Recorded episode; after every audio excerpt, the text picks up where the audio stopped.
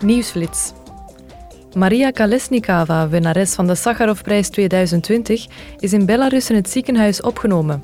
Parlementsvoorzitter Roberta Metsola uitte dinsdag haar bezorgdheid hierover. De politieke dissidente werd door het regime van Lukashenko gevangen genomen omdat ze zich inzette voor vrijheid en waardigheid. Volgens het Telegram-account van een oppositiepolitica belandde Kalesnikava in het ziekenhuis nadat ze in een strafcel was geplaatst.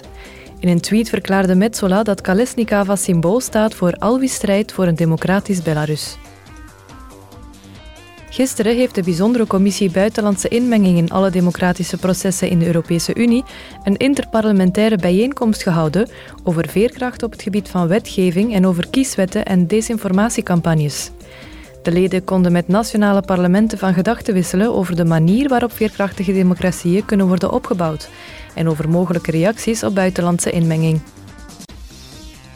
Ook gisteren besprak de Commissie Burgerlijke Vrijheden, Justitie en Binnenlandse Zaken de aanbeveling van de Europese Commissie over onmiddellijke maatregelen tegen burgerschaps- en verblijfsregelingen voor investeerders.